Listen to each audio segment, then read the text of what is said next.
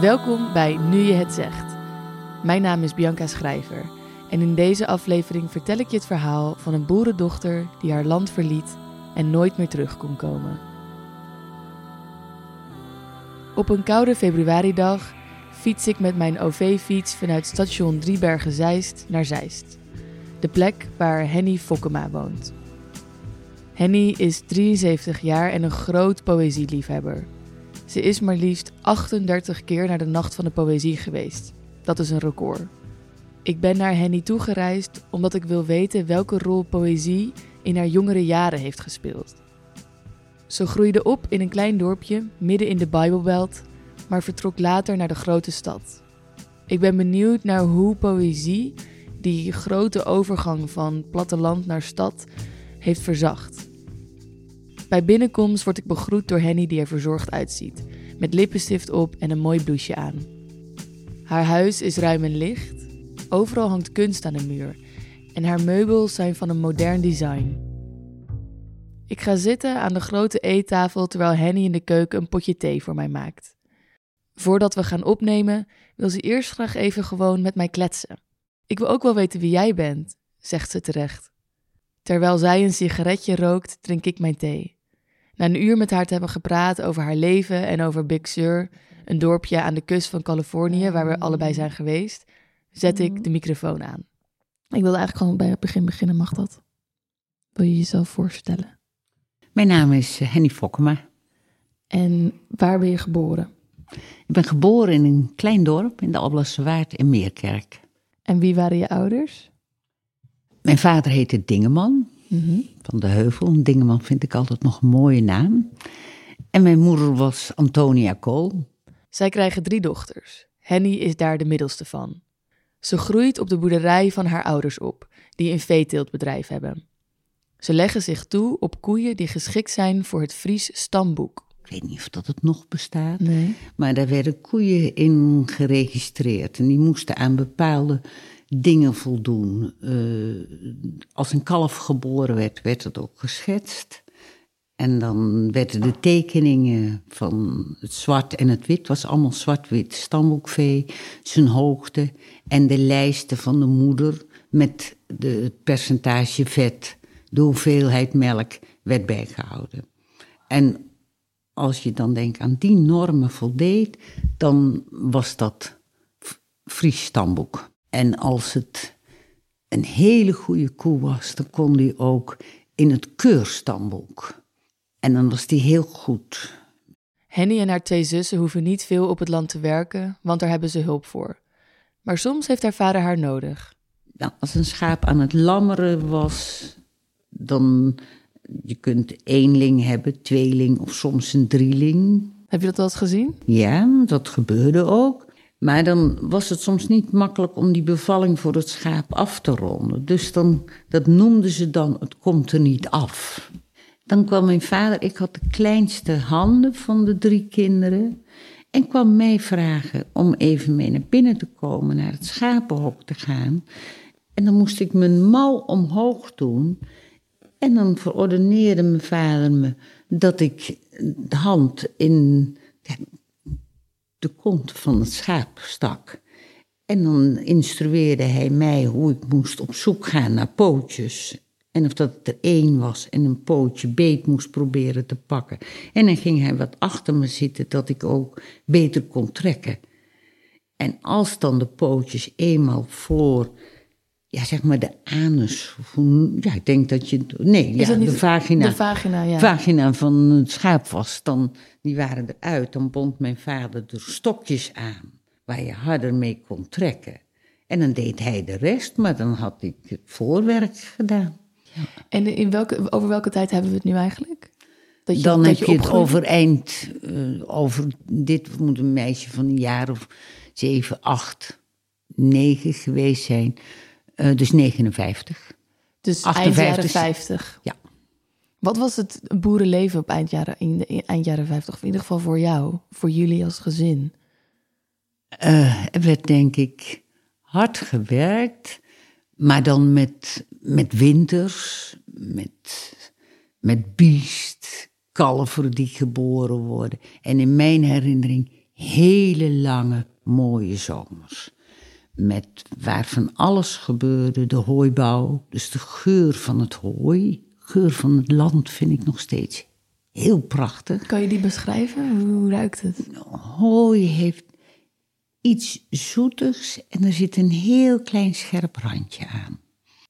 Gier vond ik ook niet echt vies. Dat hoorde er ook bij. En wat ik reuze spannend vond, in die tijd werd het hooi ook nog met paard en wagen binnengehaald. En dan soms sloeg een paard op hol. En dan denderde die hooiwagen daarachteraan. En ik zie nog die oren van het paard, want die gingen dan naar achteren. En de, mannen, die boeren, waren dan een beetje voor mijn kinderlijk gevoel half hysterisch om dat paard stil te houden. Was in ieder geval niet saai. Dat waren spannende momenten. Ja, dat, dat, dat, dat, was mooi. Dan hing er veel in de lucht. Ja. Erg hè, dat ik dat zo prachtig vond. Maar dat arme paard. Ja. en, en stonden er dingen in de tuin, beeldjes of bloemen? En mijn moeder was dol op bloemen. Die had voor het huis zo'n hele strook met bloemen gemaakt. Dan aan de andere kant, naast de boerderij, was een. Dat, dat heette ook de fruitboomgaard. En daar stonden appels, peren, pruimen, notenboom. Dat klinkt wel echt als een wilde. Het, het, ik, ik heb het ook nooit erg gevonden dat ik daar opgegroeid ben. Het dorpje waar Henny opgroeit, Meerkerk, ligt net onder de rivier de Lek in de provincie Utrecht. En ligt ook midden in de Bijbelbelt. Henny groeit dus gelovig op. Haar ouders gaan elke zondag naar de kerk. En moest je elke zondag mee? Uh, nee, ik hoefde niet beslist mee, maar ik had zelf een bijzondere belangstelling voor de kerk. Dus ik, ik wilde graag gaan en achteraf bezien denk ik ook wel. Er gebeurde op zondag niet zoveel, want je mocht al van dingen niet. De winkels waren gesloten. Dus ik verveelde me, denk ik ook. In de kerk ontdekt Henny de schoonheid van taal. Daar is waar haar liefde voor poëzie begint. Sommige liederen vond ik schitterend. Uh, Psalm 85. Gij hebt uw land, o Heer, die gunst betoond. Van de grammaticale structuur begreep ik niets. En wie is die gij? Wie is o Heer? Wie is nu de aangeroepen persoon? En het is dan een soort van geheimzinnige wereld. Hmm. Waar, waar het voor mij veilig toeven was. Ja. Geheimzinnig en mysterieus? Ja, maar dat was toch, dat was veilig ook. Het klinkt als een tegenstrijdigheid. Nee, voor, voor mij is dat denk ik nooit zo geweest. Iets wat je niet begrijpt, is niet a priori onveilig voor mij. Nee. Ja, ik, ik heb er nooit een onveilig gevoel bij gehad. En neem maar dan eens mee als kind, ging je dan naar de kerk? Zat je dan te wachten op die psalm? Ja, was heel leuk. Altijd, naast de ingang hing een bordje en een houten bord was dat, met regels, vijf, zes. Ik hoopte vurig dat alle zes regels gevuld werden, want dan werd er veel gezongen. Daar hield ik van. En soms waren het er vier, vond ik, als ik dat zag, al niet zo leuk. En als dan Psalm 85 op het bord stond, ja, dan kon ik bijna niet wachten tot we die psalm gingen zingen. En het liefst had ik dan ook dat er vier coupletten van gezongen werden, want dan duurde het heerlijk lang. Na de middelbare school volgt Henny de opleiding tot directiesecretaresse bij Schroevers, een instituut met in die tijd veel aanzien. Henny is dan 16 en neemt iedere dag de bus van Meerkerk naar Utrecht. Wat vond je van Utrecht? Of hoe ging dat daar? Ja, ik vond het leuk. En het, wij, op schoffers waren het ook allemaal wat andere meisjes. Geen boerenmeisjes ook. Dus daar ging een wereld voor mij open. En, en hoe verhield jij je tot die andere meisjes die niet boers, of in ieder geval geen boerendochters waren? Uh, Voelde je je anders of kon je daar wel gewoon goed bij uh, aansluiten? Ik denk, ik voelde me ook wel een beetje anders. En als ik zei dat ik van een boerderij kwam, dat was stevast, dat vond ik wel lastig. Dat kun je helemaal niet aan jou zien. Want de houding ten opzichte van de boerenstand was echt nog heel erg gesegregeerd. En dat vond ik wel erg. Dat als mensen dan zeiden, dat kun je niet aan me zien. En wat, wat, wat bedoelde ze daarmee? Nou, dat ik, ja, dat wilde je natuurlijk niet vragen. Dat ik er toch wel anders en boers uit zou moeten zien. En mensen zeiden ook dat ze het aan mijn spraak totaal niet hoorden. Je kun je niet aan je En dat was dan een compliment? Dat bedoelde ze wel als een compliment, maar ik vond het geen compliment. Ik voelde me er ongemakkelijk bij. Ja, dat kan ik me wel voorstellen. Ja, en dat is heel lang, daar heb ik later, had ik daar een antwoord op als mensen zeiden, oh dat kun je niet zien, jij van een boerderij. Zei, nee, ik zie er niet zo uit als op de stroopot van het Zeeuwse meisje. En daarmee deed ik, was voor mij een adequaat antwoord. Want dat hadden ze dan verwacht, dat je er op klompen bij zou lopen. En... Weet je, ik heb het nooit durven vragen, Nee. want je bent ook zeker als je zo jong bent, misschien later ook wel in het leven, dat je dan ook bang bent voor het antwoord wat je krijgt. Ja, ja, Je wil niet horen dat je uit een achterlijke omgeving komt. nee. Want die was voor mij ook niet achterlijk. Henny doet het zo goed op de opleiding dat ze wordt gevraagd om de secretaresse te worden van de directeur van Schroevers. Als voorbeeld voor de meisjes. Na lang twijfelen, ze is nog maar 16, zegt ze ja en gaat ze voor het eerst uit huis. Drie maanden volgehouden, toen kreeg ik ruzie met de directeur van Schroevers. Want ik was toch niet het goede voorbeeld voor de meisjes. Henny verliest haar eerste baan, maar dat maakt niet zoveel uit. Schroevers is een gerenommeerd instituut. Wat dat er gaat, is het zo'n goede tijd geweest. Als je Schroevers had bij een uitzendbureau, dat, dat Dat stond goed op je cv. Ja, maar als je daar binnenkwam en ja, dat noemde je toen nog niet afgestudeerd, maar dat noemde je toen, ik heb schroevers gedaan, en Ja, je liet je diploma zien, dan was je zeer welkom. En toen heb ik twee jaar lang, eh, ging ik geld verdienen en dan ging ik naar Parijs of ging naar Frankrijk. Henny blijft dus in Utrecht werken en wonen van haar 16e tot haar 18e. Ik kwam in een eerste huis met vijf meisjes. Dat is natuurlijk een weldaad. Dat was bof, want ik kende niemand. Want er waren vier andere meisjes, waren vijf kamers. Het was erg leuk, alleen we werden met z'n vijven door de huisbaas eruit gezet. En toen zijn een van die meisjes en ik, die zijn altijd samen verder gegaan zoeken. Je ging best wel jong het huis uit. Ja. Dus je was 16. Ja. Hoe, hoe verzachtte je de overgang tussen het, de boerderij en de stad? Tussen eh, die je ouders en alleen zijn. Daar alleen voor staan. Eh, lijn 3, dat is de langste buslijn in Utrecht. Dat heb ik me achteraf pas gerealiseerd. Wat voor betekenis dat dat voor mij heeft. Het vond ik heerlijk om daarin te stappen. Dan kwamen mensen en dan zat ik daar alleen op zo'n bankje in de bus.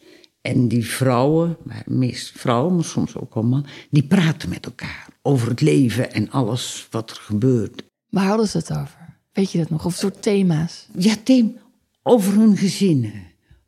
Over eh, dat, het, eh, dat, dat de man te hard moest werken of te veel zoop. Dingen uit het leven gegrepen. En dat, dat loste mijn eenzaamheid op om dat te luisteren. Dit gebeurt allemaal. Dus jij zat in die bus, lijn 3. Waar, Ja. waar stapte je op? Nou, bij het Wilhelminapark vond ik eigenlijk wel het prettigst. Dan kon ik een tijdje op gang komen. En je, had niet, je ging, was niet van plan om ergens uit te stappen? Nee. Jij zat in een bus. En de buschauffeur zei dan soms, zit je er nog? Ja, en dan vroeg ik in het begin, moet ik bijbetalen? Maar dat hoefde dan niet, want dat was zo. En dan ging je uit, heel, die hele lijn. Ja, En dat was eigenlijk mensen kijken. ja en luister. En welke mensen vond je het leukst? De volkse mensen. Maar die laten ook het meest van zichzelf zien. Ja. Ja. Dus, dus de mensen die het meest menselijk Ja, waren. leuk of niet leuk, maar dat... Interessant, dat, boeiend. Dat, dat was ook, ja... Die, die boden je ook het meest. Ja. Ik probeer zo voor te stellen, ik snap dit. Het is eigenlijk een beetje alsof je als tiener een magazine leest. Ik las vroeger de Libellen Ja. als tiener. Maar dat is helemaal niet een tijdschrift voor een kind eigenlijk. Er stonden verhalen in over relatieproblemen. Weet je wat? Dat, dan was er een, eh, een column over dat mensen die naar de relatietherapeut gingen. En daar werd dan over geschreven. Daar, daar, dat vond ik dan heel erg interessant. Terwijl dat was niet mijn leven. Is dat een beetje hoe je het kan vergelijken? Dat je Dat doe je goed. Ik denk dat gaf een soort troost aan. En daar zitten mensen mee, praten mensen over. Ja, ik Ja. denk dat, dat, dat, dat het goed is hoe je dat interpreteert. Het, het luisteren. Ja. ja, geeft dan een, een troost, een erkenning, het niet alleen zijn. Het, hadden die mensen je wel eens door? Dat heb me nooit.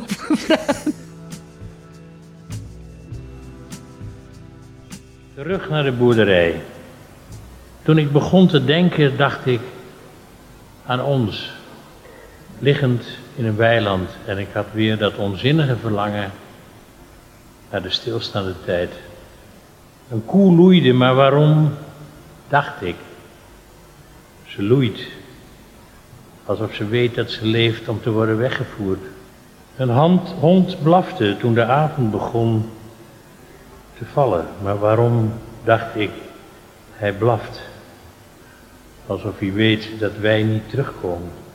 Waarom gebeurt alles? En dacht ik, alles gebeurt maar één keer en de eerste keer is altijd de laatste.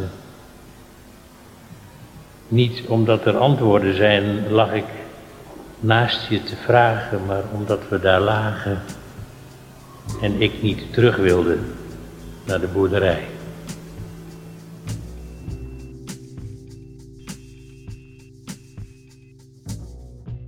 Na twee jaar werken wil Henny wel eens iets anders. Met financiële hulp van haar opa gaat ze terug naar school. Ze doet eerst de HBS, wat vrij uitzonderlijk is voor die tijd. Ze is dan een jonge vrouw die op kamers is en de HBS doet. En daarna gaat ze Nederlands studeren. Daar geniet ze enorm van. Ze leest literatuur uit de middeleeuwen, de renaissance. Het is voor haar dé manier om een inkijkje te krijgen in verschillende leefwerelden. Ze wordt bevangen door het geschreven woord. Als jonge twintiger gaat ze veel naar optredens van schrijvers. Daar vindt ze wat ze ook in de kerk vond. Er waren in Amsterdam veelvuldig eh, voorstellingen van schrijvers. Het ging van Komrij tot Johnny de Zelfkikker tot eh Huub Oosterhuis, die een tijdje een eigen theater heeft gehad van poëzie hardop. Ehm waren denk ik ook voor mij wel alternatieve kerkdiensten misschien. Bedenk ik me nu kon je zitten, luisteren, meegenomen worden door het woord. Ja, en in, in de poëzie ben ik altijd denk naar op zoek geweest. Wat, wat zocht je erin? Het waren andere gedachten dan die mij vanzelfsprekend werden aangereikt. Poëzie gaf soms ook de, de schok van de herkenning, waar je zelf wat je denkt, maar wat, waar iemand anders de vorm en de woorden voor heeft gevonden. Rutger Kopland is zo'n dichter voor de jonge Henny, die dan als boerendochter in de stad woont. Wat trekt jou aan aan deze dichter? Ehm, nou, het is, eh, zijn debuut is onder het vee. Nou, je hebt net gehoord dat ik van een boerderij afkwam. Die titel is al heel mooi. Die titel die trok jou aan. Ja, want ik ben opgegroeid tussen het vee. Dan, Kopland is ook, eh, heeft ook een religieuze achtergrond. Ik Ja. denk dat dat ook wel bindt. En ja, in de thema's. De, de, de Kopland kenmerkt zich ook wel door een zekere melancholie. Had je dat zelf ook? Ja, want ik, ik ben weggegaan en kon nooit meer terug. Waarom niet? Omdat ik, dat was ook mijn land niet. Ik ben er weggegaan. Maar dat wil niet zeggen dat je er niet van houdt of dat je daar je plek hebt gehad. Maar je eigen stap van weggaan, die is ook misschien wel wat groot als ik dus zeg, maar wel overwogen geweest. Hmm, er zat wel iets achter. Blijkbaar, anders had ik het niet gedaan. Ja. Nou, die melancholie, die was heel herkenbaar voor mij. De, Dat de, melancholische toch. de melancholie voor waar je vandaan komt. Ja. Ja. En die, die, die, die melancholische sfeer, die kom je zeker tegen bij Kopland. Denk je dat hij dat ook voelde voor waar hij vandaan kwam? Weet ik niet. Nee. Maar dat las je er wel in. Ja, Voor jezelf. bijvoorbeeld zo'n zin die ik nu lees in Drenthe. Toen de zomers nog warm en groen waren zoals vandaag. Als ik jou over, net over mijn jeugd vertel, dat de zomers lang en warm waren. Hebben de boerderijen zich neergelegd bij elkaar en bij alles wat nog mocht gebeuren, met de dromerige willekeur van rustend vee midden op de dag, en de kerktoren is even over twee recht overeind in slaap gevallen. Geen uur is er meer bijgekomen. Mijn ogen zwenken met een boerenknecht, melkemmers aan zijn fiets, dwars door het stille hart van de brink rinkelend. Wat, doet, wat, wat, wat lees je? Plaatje uit mijn jeugd. De melkemmers, de boerenknecht. Alleen in een heel andere vorm gepresenteerd. En dat maakt poëzie dan zo mooi. Goede poëzie geeft steeds, denk ik, anders vorm aan dingen. Ja. Ja. Dus het is een herkenbaar plaatje, maar wel op een andere manier ingekleurd. Ja, Henny vertelt me dat ze een speciale band heeft met een specifiek gedicht van Kopland. het gedicht Weggaan, wat ik mooi vind, staat ook in deze bundel. Heeft hij waarschijnlijk wel een keer op de nacht voorgedragen. Oké. We hebben de archieven van de nacht doorgespit op zoek naar Kopland, die dat gedicht inderdaad voordraagt op een van de vele nachten dat hij optrad. Maar helaas hebben we die niet kunnen vinden. Maar ik vind het wel belangrijk om hem te laten horen, dus hij gaat zo. Weggaan is iets anders dan het huis uitsluipen. Zacht de deur dichttrekken, achter je bestaan en niet terugkeren. Je blijft iemand op wie wordt gewacht. Weggaan kun je beschrijven als een soort van blijven. Niemand wacht, want je bent er nog. Niemand neemt afscheid, want je gaat niet weg. Wat doet dat gedicht met jou? Dat je weggaat en niet terug kan. Ja. En eigenlijk, het is denk ik ook een soort universeel gevoel. Als ik op dit moment denk aan de mensen die asiel hebben gekregen hier in Nederland. Ja, Sommigen zijn. En je ziet ook, dat wordt ook wel kwalijk genomen als mensen dan toch hechten aan hun eigen cultuur. ja, ja. Ja, dan ook soms een hardheid is van, goh, ze hebben het hier toch goed. En eh, dat we. Nee, maar ze zijn weggegaan. En daar blijft, voor dat land van herkomst, blijven ze altijd iemand op wie wordt gewacht. Ik, ik zou willen in het hele asieldebat dat dit aspect ook aandacht kreeg. En begrijp ik het goed als je dan zegt dat als je, zodra je besluit om weg te gaan, dat er dan eigenlijk ook geen teruggaan meer is? Precies. En dat je daar rekening mee houdt. En dat je ook kijkt, want wat doe jij nu? Ik ben een bofkom.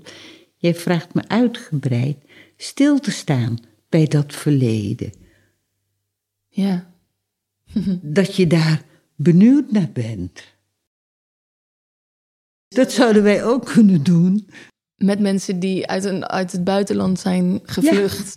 Ja, Want wat doet het dan met jou om, om over jouw verleden te praten? Wat, ik vind het eigenlijk wel, ik vind, vind het ook wel ingewikkeld, maar dat had ik je ook gezegd. Het is ook een stukje privé. ja. Maar ik vind het ook wel fijn om, ik denk dat je mij er ook met warmte en immateriële rijkdom over hoort praten, Ja. dan, dan ben ik ook op dat moment weer dat kind. Ja. Of ruik ik de geur zelfs. Die kan ik terughalen. Van, van het hooi. Ja. Ben je wel eens teruggegaan? Eh, naar mijn land? Ja, ik ben altijd bij mijn moeder gekomen. Nee, ik ben ja, een trouwe dochter geweest. Mijn moeder is overleden, maar ik ging bijna iedere zondagmiddag even naar haar toe. En hoe voelde dat dan om terug te gaan? Nou, prima. En ik ben één keer in mijn eentje teruggegaan naar een kerkdienst. Op, ik ga het binnenkort nog een keertje doen. Op kerstavond. En toen het gedicht weggaan. En toen voelde ik dat ik weggegaan was. En er niet meer bij hoorde. Ik denk dat ik toen 21 was. En ik heb die hele kerstdienst, kerkdienst, op mijn lippen zitten bijten. Want ik kon nooit meer terug. En ik moest eigenlijk zo huilen, wist je dat? Want ik kon ook niet meer meezingen. Nee? Nee. Die context. Dat heb je dus ook niet gedaan. Nog mijn lippen gebeten. Om de tranen tegen te houden. Ja. Maar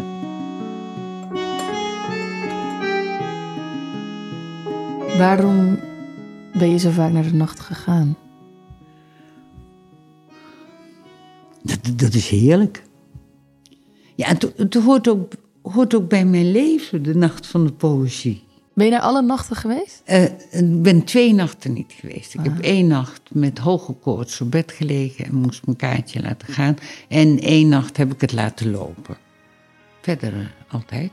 Als een soort bedevaartsoord elke jaar Nou, weer. bedevaartsoord. Het is, het is gewoon fijn. Toen, ja. Er zijn oude mensen. Er zijn jonge mensen. Mensen liggen daar. Kom dit eens kijken. In onze gepolariseerde samenleving. En dan wat poëzie vermacht. Want kennelijk is dat toch wat ons allemaal op deze manier bij elkaar brengt. Ja.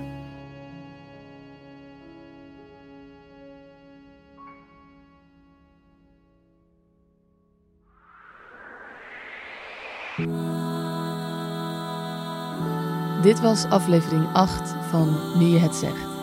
Mijn naam is Bianca Schrijver en ik deed de redactie, productie, montage en mixage voor deze aflevering. Research en eindredactie door Gijs Wilbrink. Muziek is van Tim Meijer. Veel dank aan Henny Fokkema voor haar verhaal. Wil je de volgende aflevering niet missen?